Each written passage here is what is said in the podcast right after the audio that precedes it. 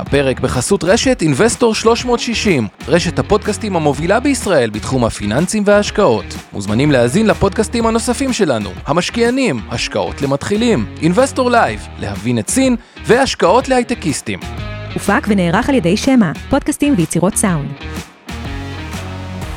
שלום לכולם, אני שמח מאוד לחזור ולהקליט במסגרת הפודקאסט השקעות להייטקיסטים. תקופה קשה עברה ועוברת עלינו, אני באופן אישי לא מצאתי את הכוחות ליצור תכנים ולדבר על השקעות, תחום שאני כל כך אוהב ותופס חלק אה, מכובד בחיי. היה לי קשה ועדיין לא הרגיש לי נכון לחזור למציאות מבלי להתייחס לכל האירועים הקשים שאנחנו עוברים. אז עצרתי, החלטתי לתת לי ולמאזינים הזדמנות לעכל את הסיטואציה.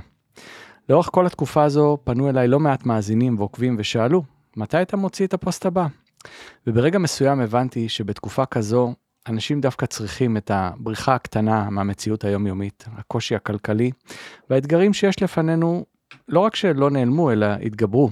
ולכן החלטתי לחזור לפעילות, לחזור ליצור תכנים, להקליט פודקאסטים ולמלא את עולם התוכן שלנו בשפיות זמנית, אם אפשר לקרוא לזה, משהו אחר חוץ uh, מאתרי החדשות שדואגים uh, לפמפם לנו את המציאות דקה אחר דקה. אז בחרתי לחזור לפעילות עם נושא שנוגע לליבי, הנדל"ן, ולמרות שאני מתמחה ואוהב מאוד את הנדל"ן בארצות הברית, בחרתי לראיין איש יקר שמתמחה בנדל"ן בישראל. אנחנו נצלול לתוך עולם הנדל"ן הישראלי ונלמד להכיר את המרואיין שלנו יותר לעומק ולהבין את הגורמים שהביאו אותו להצלחה האישית שלו ולבחירה בנדל"ן בכלל ובישראל בפרט. אז לפני הכל, הערת סיכון. אין לראות באמור לעיל המלצה לשיווק ייעוץ השקעות או המלצה על ביצוע כל פעולה ואו ייעוץ שתבחרו לעשות על דעתכם האישית ואחריותכם הבלעדית המידע מוצג לידיעה ומסייע מרענן מדיק כך חלילה לא פוגע רק לימוד השקעות שיתנגן לכם ברקע יואו. עכשיו מתחילים. השקעות להייטקיסטים. השקעות להייטקיסטים. יהב שפינרד, מנכ"ל חברת קפטן אינבסט שמלווה לקוחות ברכישת נדל"ן בישראל. קפטן אינבסט ליוותה עד כה מעל 120 משפחות בישראל. יהב בעל תואר שני בנדל"ן מהטכניון ובעל התמחות, שעוד נדבר עליה, שעוזרת לו מאוד בבחירת נכסים איכותית עם פוטנציאל לעליית ערך, ומגיש הפודקאסט הנפלא פשוט נדל"ן. יהב, שלום. אהלן, אהלן. אני שמח מאוד לארח אותך כאן בפודקאסט שלנו. אציין כאן שהכרתי אותך באחד הכנסים המרשימים, אני חושב שהיו לנו בשנת 23, לא מזמן, כנס שהקימו why now, ושנינו היינו בעצם אה, ההרצאות המרכזיות של אותו אירוע, שהשתתפו בו כ-500 איש, אם אני לא טועה. אז ככה, בכל ההתרגשות ובעובדה שעלינו אחד אחרי השני, נוצר חיבור מיוחד. גיליתי איש באמת מיוחד, אוהב נדל"ן, ובאמת התקשורת בינינו עבדה יופי גם על הבמה, כשחלקנו מחמאות אחד לשני. ויותר מזה, הבנתי פתאום כמה עולמות התוכן שלנו דומים. למרות שאני מתמקד בנדל"ן בארצות הברית, ואתה יותר בישראל, עדיין נדל"ן זה נדל"ן, והתפיסה היא זהה, פחות או יותר. וואו, אני ממש ממש מסכים עם מה שאתה אומר, אני חושב שבסוף אה, אנחנו מסתכלים על אותם דברים בזוויות טיפה שונות ובמקומים טיפה שונים, אבל כל השאר, אני חושב ש... כתפיסה אני מאוד מאוד uh, מרגיש את המשותף בינינו ובכלל uh, כל, העולם הנדל"ני ברגע שאתה מבין כאילו כמו שאתה אומר קודם כל נדל"ן זה אנשים ו- ואיך אנחנו מסתכלים על עולם הנדל"ן זה משהו שהוא משותף לכולם ובאמת אפשר למצוא את המחנה המשותף. לחלוטין. אז אנחנו תכף נצלול באמת גם לסיפור החיים שלך וגם לתחום ההתמחות, אבל אני תמיד אוהב להתחיל בשאלה שקשורה לעולם התוכן של המרואיין, אבל פעם אני אתחיל דווקא בשאלה שקשורה אולי למציאות שלנו, והיא, מהו ביטחון בעיניך? אתה יכול להתייחס לזה גם באופן כללי או כלכלי, מה שנראה לך. כן, אז אני אפילו אקח את זה, אני, משהו באמצע כזה, כי, כי אני חושב שאי אפשר להפריד אחד את השני. Uh, אני חושב שאנחנו, כמו שציינת בתחילת הפרק, אנחנו בתקופה מאוד מאתגרת ומאוד מאוד uh, קשה לעיכול. ואני חושב שאין בן אדם שלא מרגיש את אותה פגיעה בביטחון, בין אם זה כלכלית ובין אם זה ביטחון אישי. אה, והדברים אה, באמת אה, השתנו לנו, המציאות השתנתה לנו בתקופה האחרונה. אני חושב שדווקא מתוך החוסר ביטחון הזה, זה בדיוק הרגע כן לנסות ו- וליצור את הביטחון הזה באמצעים נוספים. ומי שמאזין לנו, נראה לי שגם מבין את החשיבות של, של ליצור את הכרית ביטחון הזאת ליום שחור. אה, שהכרית הזאת אה, גם, אה, אנחנו גם נדבר על זה בהמשך הפרק, אבל אני חושב שאחד הדברים שגורמים לביטחון זה הגיוון וה... וה אה, בעצם פיזור בתיק השקעות שלנו. זאת אומרת, אם יש שוק אחד שנפגע, אז שוק אחר פחות נפגע, וההפך. אז אנחנו רוצים בעצם אה, פיזור, ואני חושב שאם אני מחבר בין הדברים האלה, גם ביטחון אה, אישי וגם ביטחון כלכלי, אז הטיפ שאני נותן פה זה באמת, אה, תדאגו לפיזור, זאת אומרת שלא כל הביצים שלכם יהיו בסל אחד, כי, כי כמו שאנחנו רואים, אי אפשר לדעת מה יהיה, ו- ותחושת הביטחון אה, התערערה, אז לכן בוא, בוא ניקח את זה ו- ונפזר את ההשקעות שלנו בכל מיני מקומות, כדי ליצור את תחושת הביטחון. אני חושב שזה דברים שמחוברים. האמת שאני מאוד מתחבר לזה, כי אני חסיד גדול של פיזור, ואני חושב שאתה צודק. באופן כללי זה תמיד נכון, אבל אהבתי את החיבור הזה לביטחון. כלומר, ככל שאנחנו יותר מפוזרים ויודעים להיערך להפתעות בגזרה כזו או אחרת, כן. אה, אנחנו באמת אה, יכולים לצבור מזה ביטחון. אז אני אשמח שתשתף אותנו קצת, תספר לנו את הסיפור חיים שלך, מי זה יהב שפינרד, אה, שיכירו אותך קצת יותר. אוקיי, אז אה, קודם כל אני ממש שמח להיות פה באולפן, אה, אני מאזין הדוק לכל הפרקים שלך, וכיף כיף להיות פה אורח.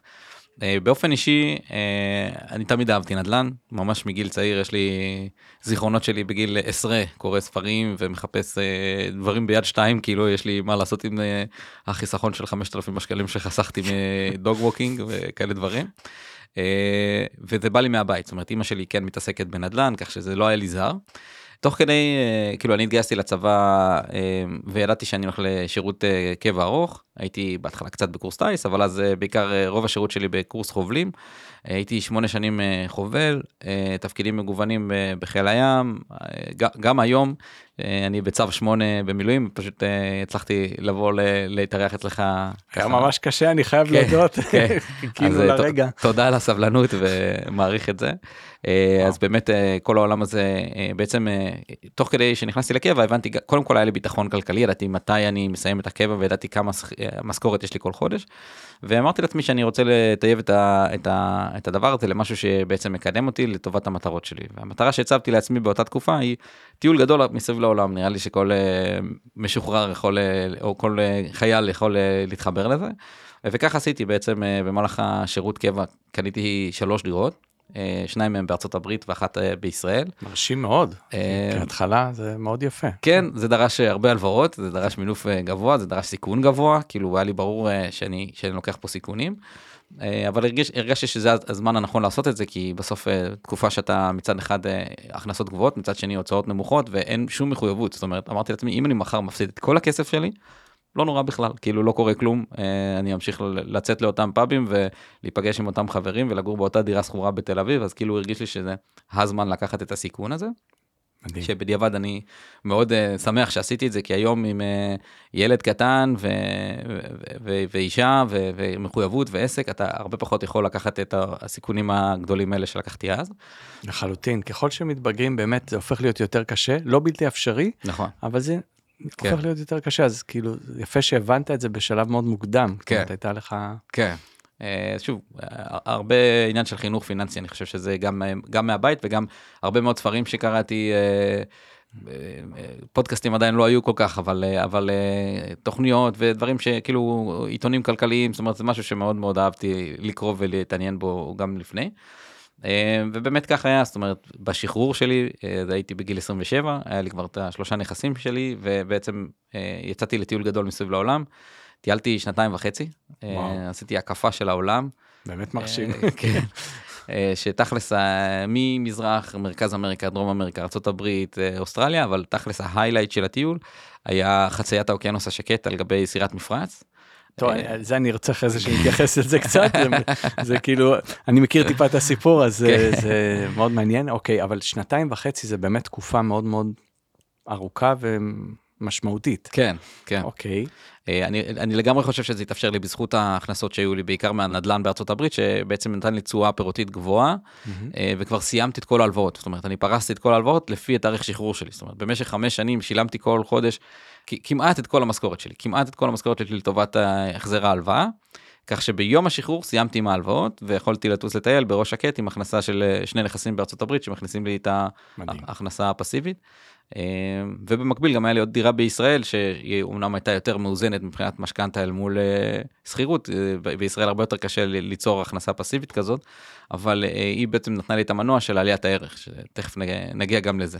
אוקיי, מאוד מאוד מאוד אה, מרשים, יחסית, כן, אני, נכון, אתה בן 35, אם אני זוכר כן, שאמרת לי, נכון. זהו, כי לפי הקורות חיים אפשר לדמיין איזה גיל 50-60, אז כל הכבוד על ההספק. אני רוצה, יש, עלה מהשיחה שלך משהו שהוא מאוד חשוב, אנחנו ניגע בו טיפה אחרי, אבל יש מצד אחד את התכנון הפיננסי והבאמת אה, מחשבה מראש על כל דבר, אבל חייב להיות לזה איזשהו drive, אז אנחנו אחרי זה נדבר ולהבין מה, כן. מה בעצם, מה דחף אותך. איזוש, איזושהי מטרה בטוח דחפה אותך בשביל אה, לעשות את זה, אבל אולי תרחיב טיפה, אני יודע, אפשר לדבר על זה שעות, אבל בכל זאת כן, על חצייה עם סירת מפרש, כן. זה, זה משהו שהוא... אתה הראשון ששמעתי ואני מכיר באופן אישי שעשה כזה מסע. אה, אז. קודם כל אה, אין ספק שזה חוויה יוצאת דופן זה משהו שלא תכננתי מראש זאת אומרת בניגוד להרבה דברים שאני אוהב להיות מתוכנן אה, בטיול יותר הרשיתי לעצמי לזרום. משהו שהתגלגל בראש שלי תוך כדי שאני הייתי בקריבים והבנתי שיש כזה דבר שנקרא טרמפים על גבי סירות מפרש. אה, בשילוב עם זה שכבר הוצאתי ויזת עבודה לאוסטרליה אז כאילו עשיתי את האחד ועוד אחד וחשבתי על חציית האוקיינוס השקט כדי להגיע לשם. אה, זה מסע שארך אה, קצת יותר משנה, אה, כולל חציית וואו. פנמה, מלא עם נידחים בדרך החל מהגלפגוס, איי הפסחא, פולינזיה צרפתית, תהיטי, בורה בורה, פיג'י, איי קוק ו- ועוד ועוד ועוד.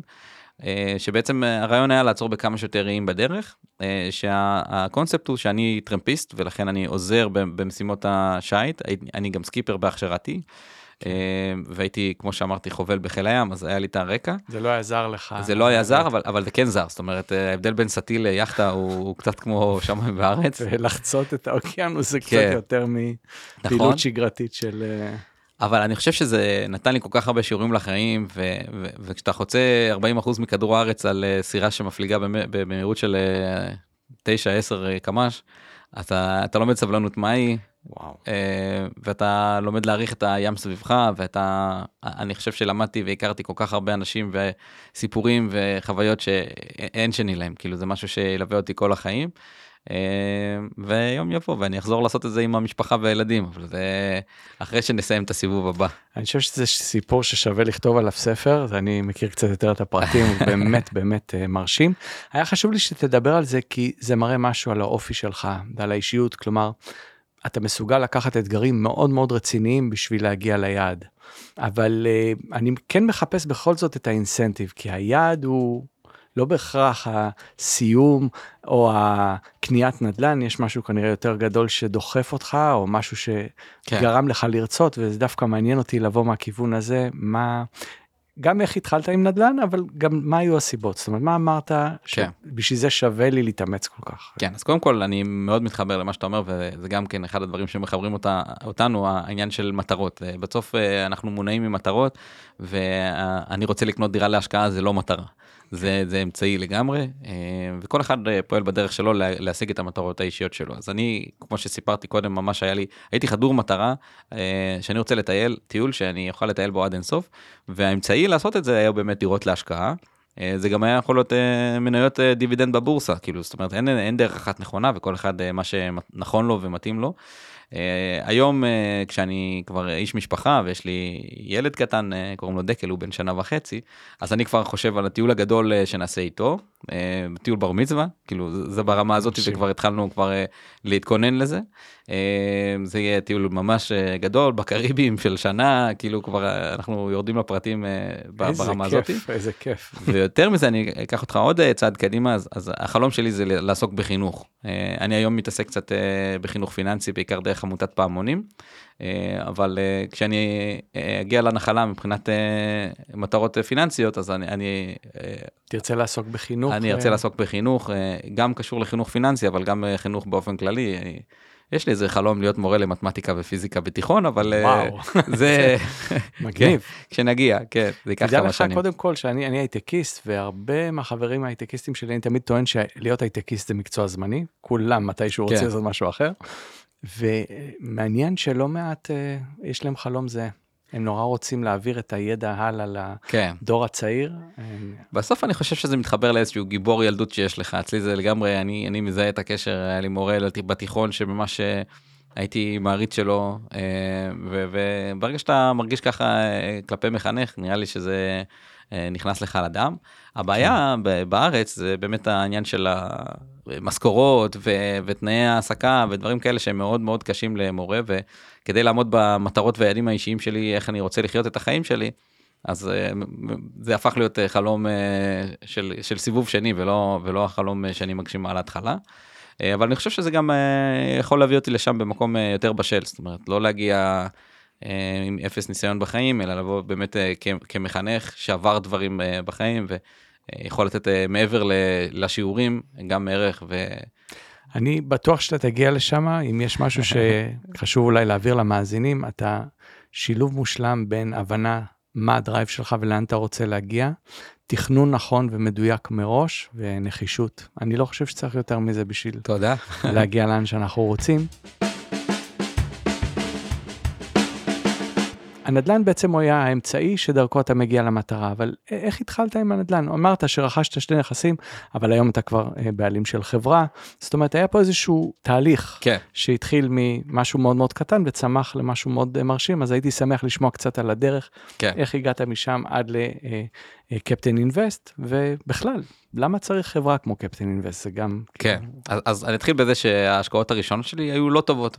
אמ, בסוף אה, כשאתה משקיע מתחיל לא משנה אה, כמה אתה מרגיש שאתה מבין אה, בסוף אתה טועה ואתה נופל וזה חלק מהתהליך ואני שמח שיצא לי ליפול בדירות לא טובות עם דיירים לא טובים שלא שילמו וכן שילמו וקנסות ואיחורים והרבה שריטות שצברתי בדרך וזה כל פעם גרם לי להשתפר ולהבין מה יותר מדויק מה פחות מדויק השקעתי גם. קרנות ש, שהפסידו והשקעתי ב, גם ב, ב, ב, במדינות שונות בחו"ל, אה, אבל אני חושב שכל פעם שאתה עושה עוד צעד אתה, אתה לומד ואתה מחכים. וזה גם גרם לי להבין שבעצם יש פה, יש פה מתודה, יש פה משהו שאפשר אה, ללמוד אותו ולא ללכת אה, אינטואיטיבי כמו שהרבה אנשים עושים בעולם ההשקעות. קצת מסתמכים על האינטואיציה, בסוף כשאתה הולך להיות רואה חשבון אתה לומד אה, לפחות 4, 5, 6 שנים, אבל כשאתה הולך אה, להשקיע אה, את כל מה שחסכת באותם אה, שנים של עבודה, אתה הולך אה, באינטואיציה, וזה נראה לי כל כך לא נכון. תוך שנייה, כן. אתה נהיה מומחה בהכל. כן, ו... בדיוק. אז, אה, אז באמת החלטתי ללמוד, אה, ועשיתי תואר שני בנדל"ן. אה, אני לא ידעתי שקיים כזה תואר עד, ש, עד שהגעתי ל, לפתח של, ה, של התואר הזה. אני בכלל חיפשתי תואר אה, במנהל עסקים עם התמחות בנדל"ן. כן. אה, ואז שמעתי על התואר הזה, אז אה, כל הג'ימאט שעשיתי וכל הדברים האלה ויתרתי ועשיתי מעבר ל, לתואר הזה, ששם בעצם אה, זה תואר בטכניון שאנחנו במהלך שנתיים לומדים אה, קצת מכל דבר, זאת אומרת גם אה, עניין של... אה, תכנון ערים וגם uh, מיסוי וגם uh, כאילו ממש נגיעה בכל בכל תחומים תחומי הנדל"ן בעיקר בארץ. Uh, וכשחזרתי מהתואר או שסיימתי איתו אז uh, זה היה גם כן העולם uh, סיפק לי. כזה הזדמנות אני בכלל באותה תקופה של התואר התחלתי לפתוח סטארט-אפ משל עצמי בתחום לא קשור בכלל לנדל"ן אה, ואני חשבתי שאת התואר הזה אני עושה בשביל בשביל עצמי שאני אוכל להיות טוב במציאת דירות כן. וידעתי שזה תחום שאני תמיד אתעסק בו. אה, התחום של הסטארט-אפ היה בכלל מוזיאונים שאיך שהתחילה הקורונה אה, כל המוזיאונים נסגרו. וואו. כן. ולמרות שכבר היה לנו חוזים עם מוזיאונים גדולים באירופה אז הכל פתאום נעצר. ומצאתי את עצמי מצד אחד יודע כבר הרבה יותר בנדל"ן ובלי עבודה אה, כן. וזה גרם לי להתחיל אה, אה, להתעסק קצת יותר בנדל"ן, שזה התחיל בתור בינתיים עד שיפתחו המוזיאונים, עזרתי לחבר לקנות דירה. כן. עכשיו אני נחשפתי גם בקנייה של הדירות בארצות הברית וגם עבדתי קצת לפני כן בחברה שעשתה ליווי משקיעים באתונה. אה, אז נחשפתי לעולם הזה של ליווי משקיעים, זאת אומרת שאנחנו קונים דירה בחו"ל, זה ברור לנו שאנחנו ניקח חברה ישראלית שתלווה אותנו, שתסביר לנו, שתתרגם לנו את המסמכים ושתמצא לנו את העורך דין המקומי ואת הרואה חשבון המקומי ותסביר לנו את כל הדברים. ו- וזה מאוד מאוד ברור, כי, כי לבד לא עושים דברים כאלה. נכון, גם בארצות הברית, גם ביוון, כן. בכל מקום, כי ישראלי בעצם לא יודע איך לרכוש אה, נכון. בחו"ל. ו- ואז פתאום נפלה לי הבנה של למה אין כזה שירות בארץ. כאילו, אם אני רוצה, אה, אני הייטקיסט, או אני אה, כל דבר אחר, אין לי את הזמן, אין לי את הידע, אני רוצה שמישהו ייקח את התהליך הזה וינהל אותו בשבילי. אה, כמו שאנחנו עושים outsource להכל, אה, בסוף, אה, גם, גם פה, יש פה לא מעט סיבות למה לעשות outsource, בסוף זה לא משהו שאני אה, הופך להיות, ה- כאילו, אני צריך לדעת הרבה דברים כדי להצליח בתהליך בצורה מדויקת, ו- ו- ומשם בעצם עלה לי רעיון, אני חשבתי שהמצאתי תחום, מסתבר שיש אה, לא מעט אה, חבר'ה שעשו את זה לפניי, אבל אני חייב להגיד לך, לפני שהכרתי אותך, מצאתי שהדבר הזה מאוד חסר בארץ. כן, אני משקיע, ואני משקיע הרבה בארצות הברית גם, והייתי משקיע יותר בישראל אם הייתי יודע שיש לי כזאת חברה. אני לא, לא שמעתי, אני בטוח שיש, כן, אבל כנראה מעט מאוד, נכון. לא מספיק. ופעם ראשונה כשנפגשנו אני ממש נדלקתי על הקונספט הזה כי אמרתי וואלה כמו ארה"ב כמו יוון הנה יש כן. פה חברה שמלווה אז אה, לא יודע אם אולי לא המצאת אבל בהחלט אתה אה, קודם כל אני חשבתי שהמצאתי, אחר כך גיליתי שלא, אבל אוקיי. אה, אני בהחלט ניסיתי לעשות את המודל של, של דירה בחו"ל, זאת אומרת שמישהו לוקח אותך יד ביד, מלווה אותך מהצעד הראשון עד עד המפתח, מ- מ- החל מ... ואולי זה רגע ההזדמנות לפרט קצת מה אנחנו עושים, אז כן. החל מבניית התוכנית האסטרטגית, הבנה של כמה כסף יש לנו, מה התזרים שאנחנו רוצים להיות בו, מה המטרות הגדולות שלנו, לאן אנחנו מכוונים. מהמם. אה, אחר כך אנחנו בעצם בוחרים את השוק שהכי מתאים. הארץ שלנו היא, אה, כולנו יודעים שההבדל בין דימונה לתל אביב הוא עצום. אה, אני בטוח. שבארצות הברית יש גם הבדלים וזה עולם שלם אה, עוד כן, יותר גדול. אני, הוא עצום אבל באמת בישראל הדייברסיטי הגיוון הוא כל כך אה, מרשים על שטח כל כך כן, קטן נכון. שאני- זה שטח של מטרופולין אחד בארצות הברית ואנחנו לגמרי. אה, אז באמת אה, לחשוב איפה השוק היותר מתאים לכל אדם בסוף אה, כל אחד והמטרות האישיות שלו מתאים לו שווקים אחרים לצורך הדוגמה חבר'ה צעירים בדרך כלל ייקחו משהו שיותר מתאים להתחדשות עירונית עליית ערך דברים ש, שנותנים להם את הקפיצה ב, ב, בשווי לעומת אנשים מבוגרים יותר שיחפשו יותר בדרך כלל דברים שמכניסים להם תשואה פירותית יותר גבוהה. זאת אומרת התאמה של סוג הרכישה ל- לפי צורכי הלקוח. בדיוק אני, אני קצת אגביל את זה למה שאמרת קודם שכל מי שרוצה ללמוד רפואה הוא הולך לומד המון שנים ומי שרוצה להשקיע הוא ישר נהיה מומחה. כן. אז גם בארץ כזה יש איזושהי נטייה לא צריך מומחים אני יודע לקנות דירה. אתה בא ואומר תשמעו יש פה בכל זאת ידע שאנחנו צוברים וכדאי לכם מאוד להשתמש בידע ובניסיון שלנו בשביל שנוכל ללוות אתכם ולתת לכם איזשהו ערך מוסף כן. ברכישת אה, דירה כזאת אם אני מבין. כן, בדיוק נכון. ככה, בדיוק ככה.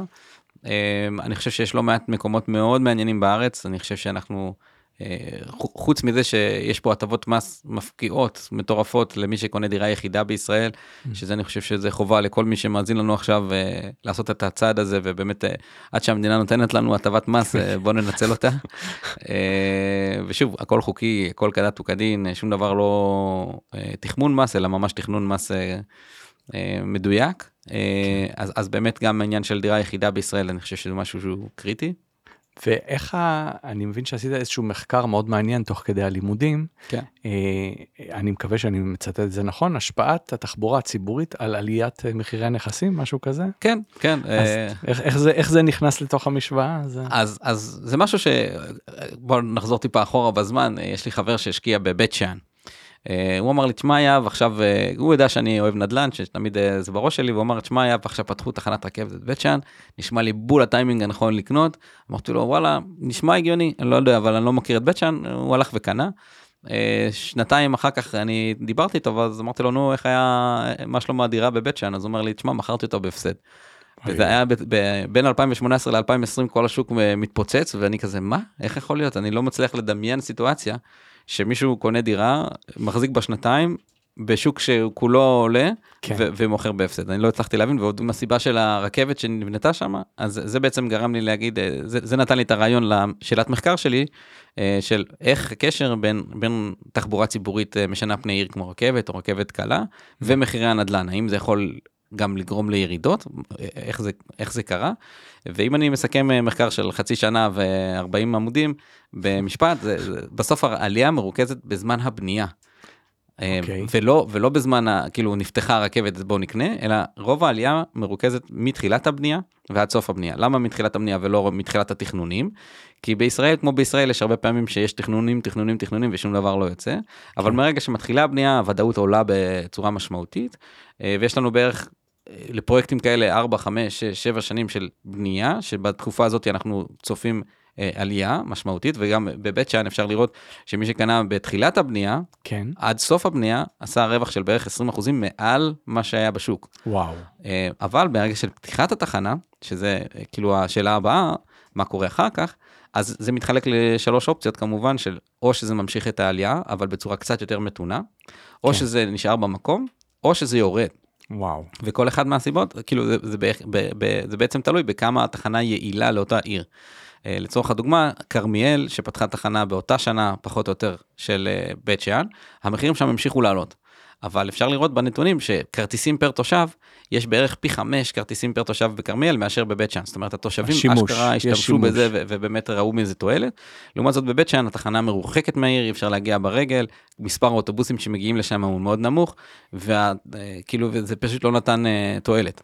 אז חלק מהתהליך החיפוש מתחשב גם במחקר הזה ובהבנה איפה יש סיכוי יותר גבוה לעליית ערך? בהחלט, ו- ואני אגיד עכשיו שאנחנו בתקופה מעולה לעשות את זה, כי אנחנו חווים אה, אה, שינויים עצומים בתחום התחבורה הציבורית, בעיקר בגוש דן.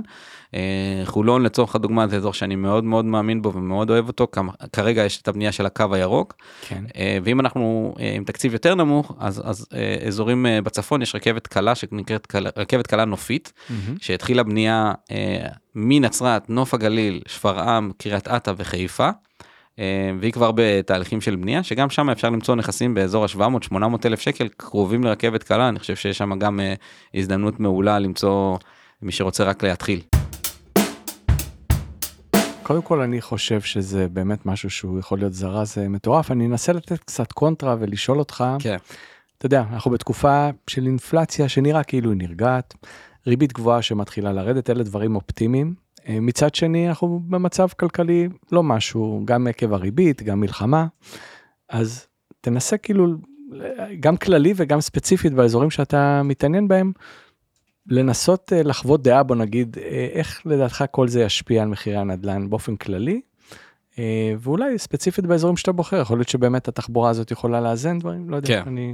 אז אני אתחיל בזה שאם למדנו משהו מה-7 לאוקטובר זה שכל התחזיות הן אה, כולן אה, יפות על הדף, אבל בסוף אנחנו לא יכולים לדעת מה יהיה, וכל הקונספציות שאנחנו מגיעים איתם מהבית, אה, הכל אה, יכול להישבר. אם התחלנו בביטחון אז אני חוזר לחוסר ביטחון. המילה קונספציה כן. מאוד אה, מתאימה פה. קיבלה, קיבלה משמעות אחרת, אז, אז אני כבר מתחיל ואומר שאני לא יודע מה יהיה, ואני חושב אפילו שהשנה הקרובה, אה, אפילו השנתיים הקרובות, זה מאוד תלוי באיך המלחמה הזאת תתפתח, אה, צפונה בחוסר ודאות גדולה ועליות וירידות אה, מאוד מאוד תכופות וחוסר ודאות בשווקים.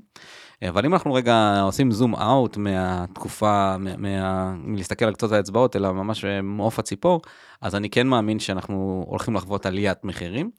אה, מכמה סיבות. קודם כל, אה, המלחמה הזאת גורמת לחוסר בנייה, להרבה פחות בנייה, יש הרבה פחות פועלים, זאת אומרת, פחות היצע בטווח, לא היום ולא מחר, אלא עוד שנתיים שלוש. הדירות שלא נבנות היום הן דירות שיהיו חסרות בשוק בעוד שנתיים ושלוש, ולכן זה משהו שאנחנו עוד לא מרגישים אותו, אבל נרגיש אותו בתקופה יחסית קרובה. כן.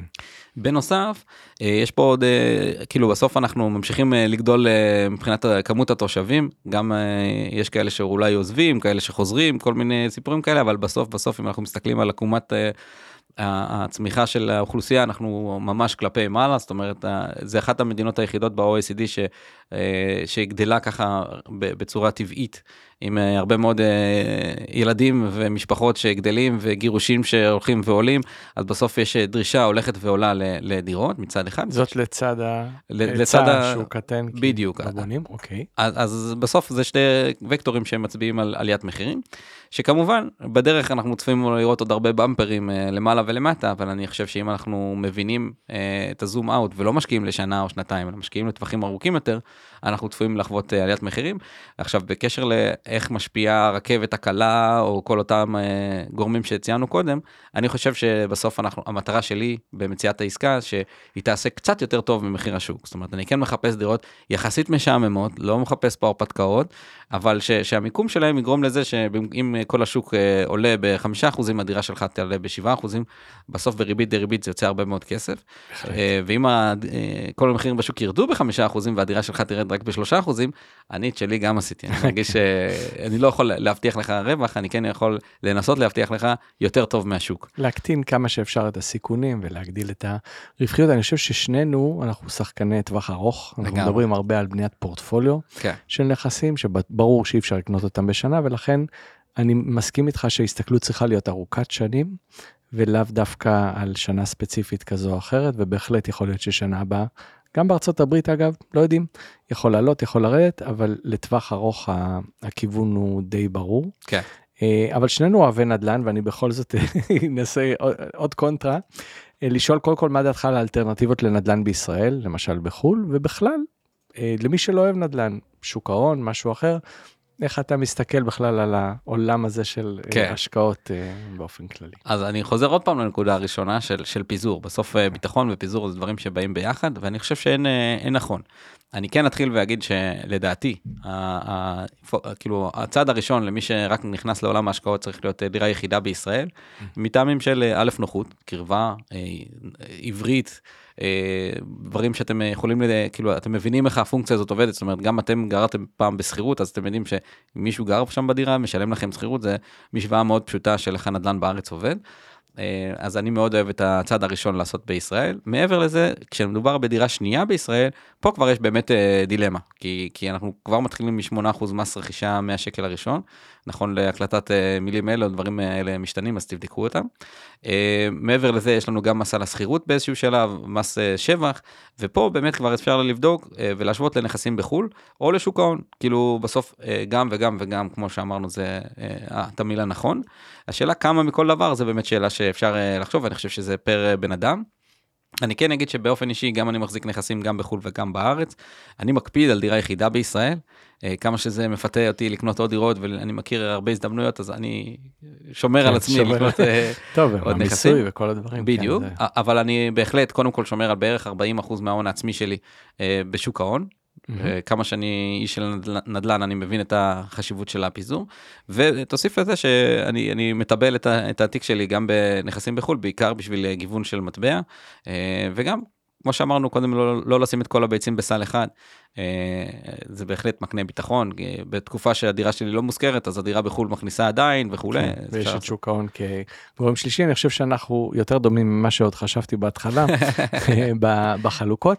אה, וכן, כמו שאומרים, צריך לעשות את הפיזור אה, בצורה חכמה, ובאמת כל אחד יכול להחליט אם המשקל עודף שהוא נותן הוא לנדל"ן או לשוק ההון, או כן, בתיאוריה הייתי, הייתי מכוון ל-50-50, אבל כן אני מרגיש שיש לי איזושהי התמחות ואני רוצה לנצל אותה. זאת אומרת, אני בהחלט. הפכתי את זה ל-40-60 דווקא בגלל ההתמחות, אבל זה לא דווקא נכון לכם מי שמאזין.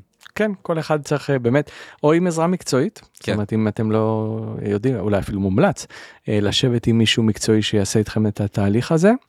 אה, אז מי שבכל זאת רוצה להיעזר בשירותים של קפטן אינבסט, איך, נראה בדיוק התהליך? אז אני חושב שהתהליך הוא רלוונטי לכולם, והצעד הראשון הוא תכנון. בסוף אנחנו משקיעים לא מעט שעות בתכנון המהלך, החל מבחירת השוק, כמו שאמרנו, בניית התוכנית האסטרטגית, ו- ועד ממש דמיון, דמיון מודרך של הדירה שאנחנו הולכים לקנות, מכמה חדרים היא תהיה, משופצת או לא משופצת, זאת אומרת, ממש אנחנו מגדירים מה אנחנו מחפשים, לפני שאנחנו יורדים לשטח. רק אחרי שעשינו את כל הדברים האלה, רק אז אנחנו בעצם אה, מתחילים לחפש בפועל, במציאות, את, הדירה האולטימטיבית שהכי מתאימה ל... בדיוק. אה, ובעצם אנחנו מגיעים לשטח ביחד עם הלקוח, אנחנו לוקחים אותך יד ביד ורואים איתך את הדירות, שחשוב לי להגיד שאין לנו אינטרס לכאן או לשם, אה, ואנחנו לא מנסים לשכנע אותך שזו הדירה הכי טובה לך או כל דבר אחר.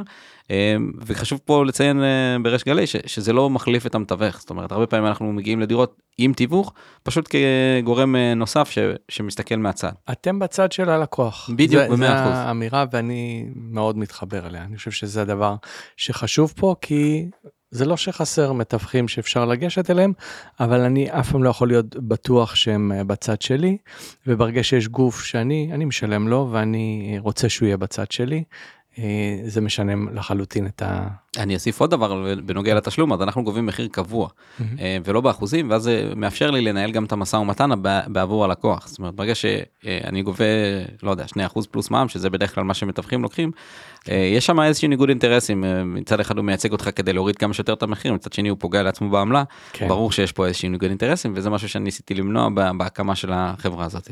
אז אנחנו מתקרבים לסוף הראיון, אני מבקש ממך קודם כל לסכם במילה או שתיים, מה היתרונות בהחזקת נדל"ן באופן ישיר מבחינתך, אה, ומה הסיכונים. אז נתחיל דווקא בסיכונים.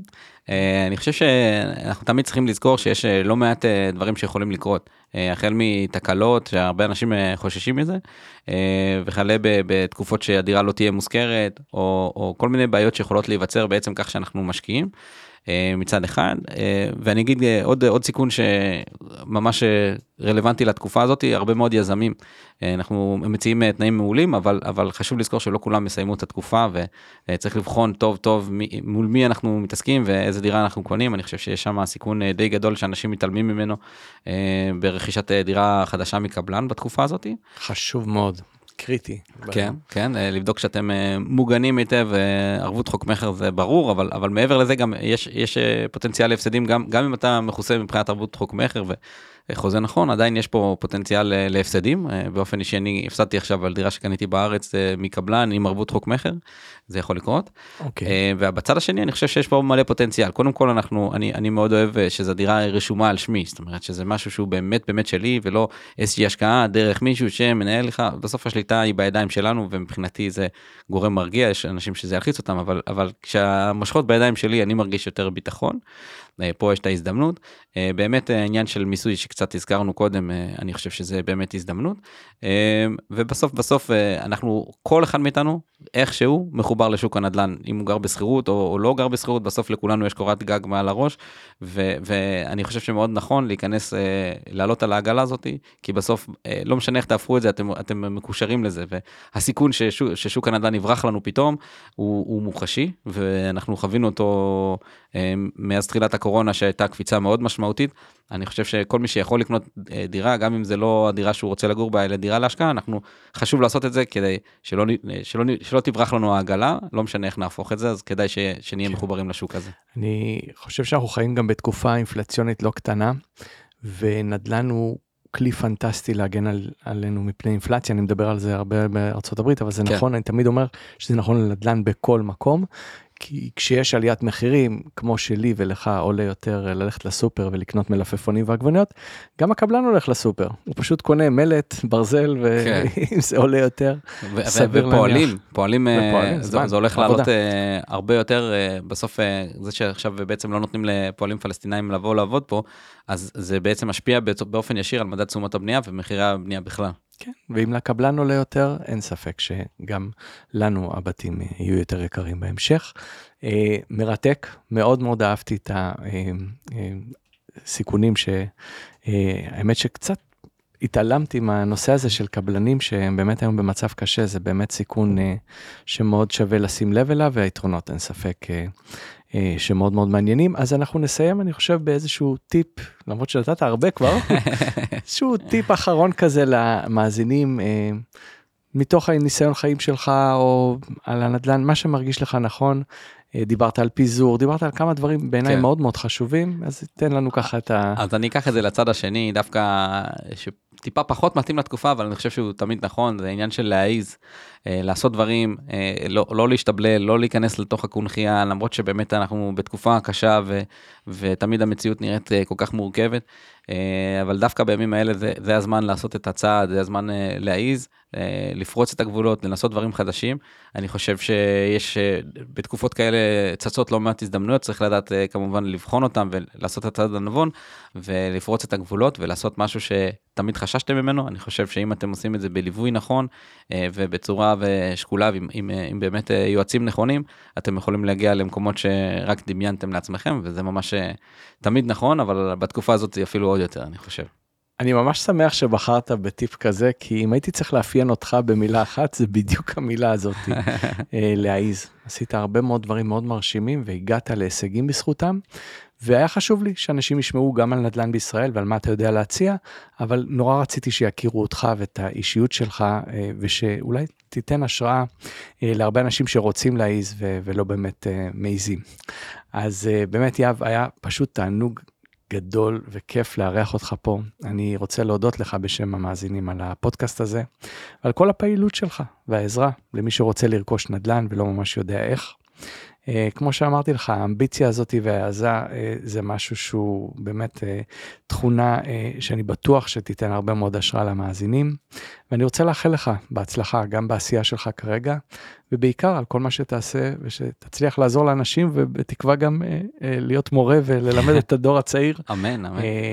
תוך כדי המצב המאוד לא סימפטי שנקלענו אליו כולנו, אז באמת תודה רבה על הרעיון הזה. תודה לך, תודה על האירוח, אני שמח מאוד להיות פה, תודה. אז מאזינים יקרים, אני מקווה מאוד שהתוכן היה מעניין עבורכם, ושמדי פעם תהיה לכם הזדמנות לקבל טעימה ממשהו יותר שפוי, שלא תלוי בהכרח במצב המלחמתי שלנו.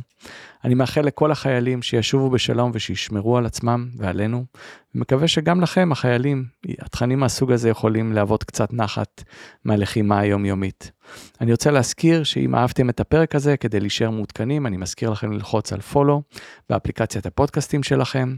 אתם מוזמנים להצטרף לעוד אנשים שעוברים את התהליך הזה ביחד איתכם אה, בקבוצת הפייסבוק שלנו שנקראת לצאת מכלוב הזהב. תודה רבה לטובה שמאנוב ואורי טולדנו משם ההפקות. אני צח איציק, תודה על ההאזנה ולהשתמע בפרקים הבאים. מעוניינים ללמוד יותר על עולם ההשקעות? האזינו לפודקאסטים נוספים שלנו. המשקיענים, אבנר סטפאק ועומר רבינוביץ' בתוכנית אקטואלית עם כל מה שחם בעולם ההשקעות. אינבסטור 360 live, אורן ברסקי ועומר רבינוביץ' מארחים את בכירי שוק ההון ומבינים את הטרנדים החשובים לשנים הקרובות. להבין את סין עם יובל ויינרב, עם כל מה שרציתם לדעת על הענקית מהמזרח. השקעות להייטקיסטים עם צח איציק, שיבנה איתכם תוכנית כלכלית להגשמת החלומות שלכם. והפודקאסט ההשקעות למתחילים, לכל מי שעושה את צעדיו הראשונים בעולם ההשקעות.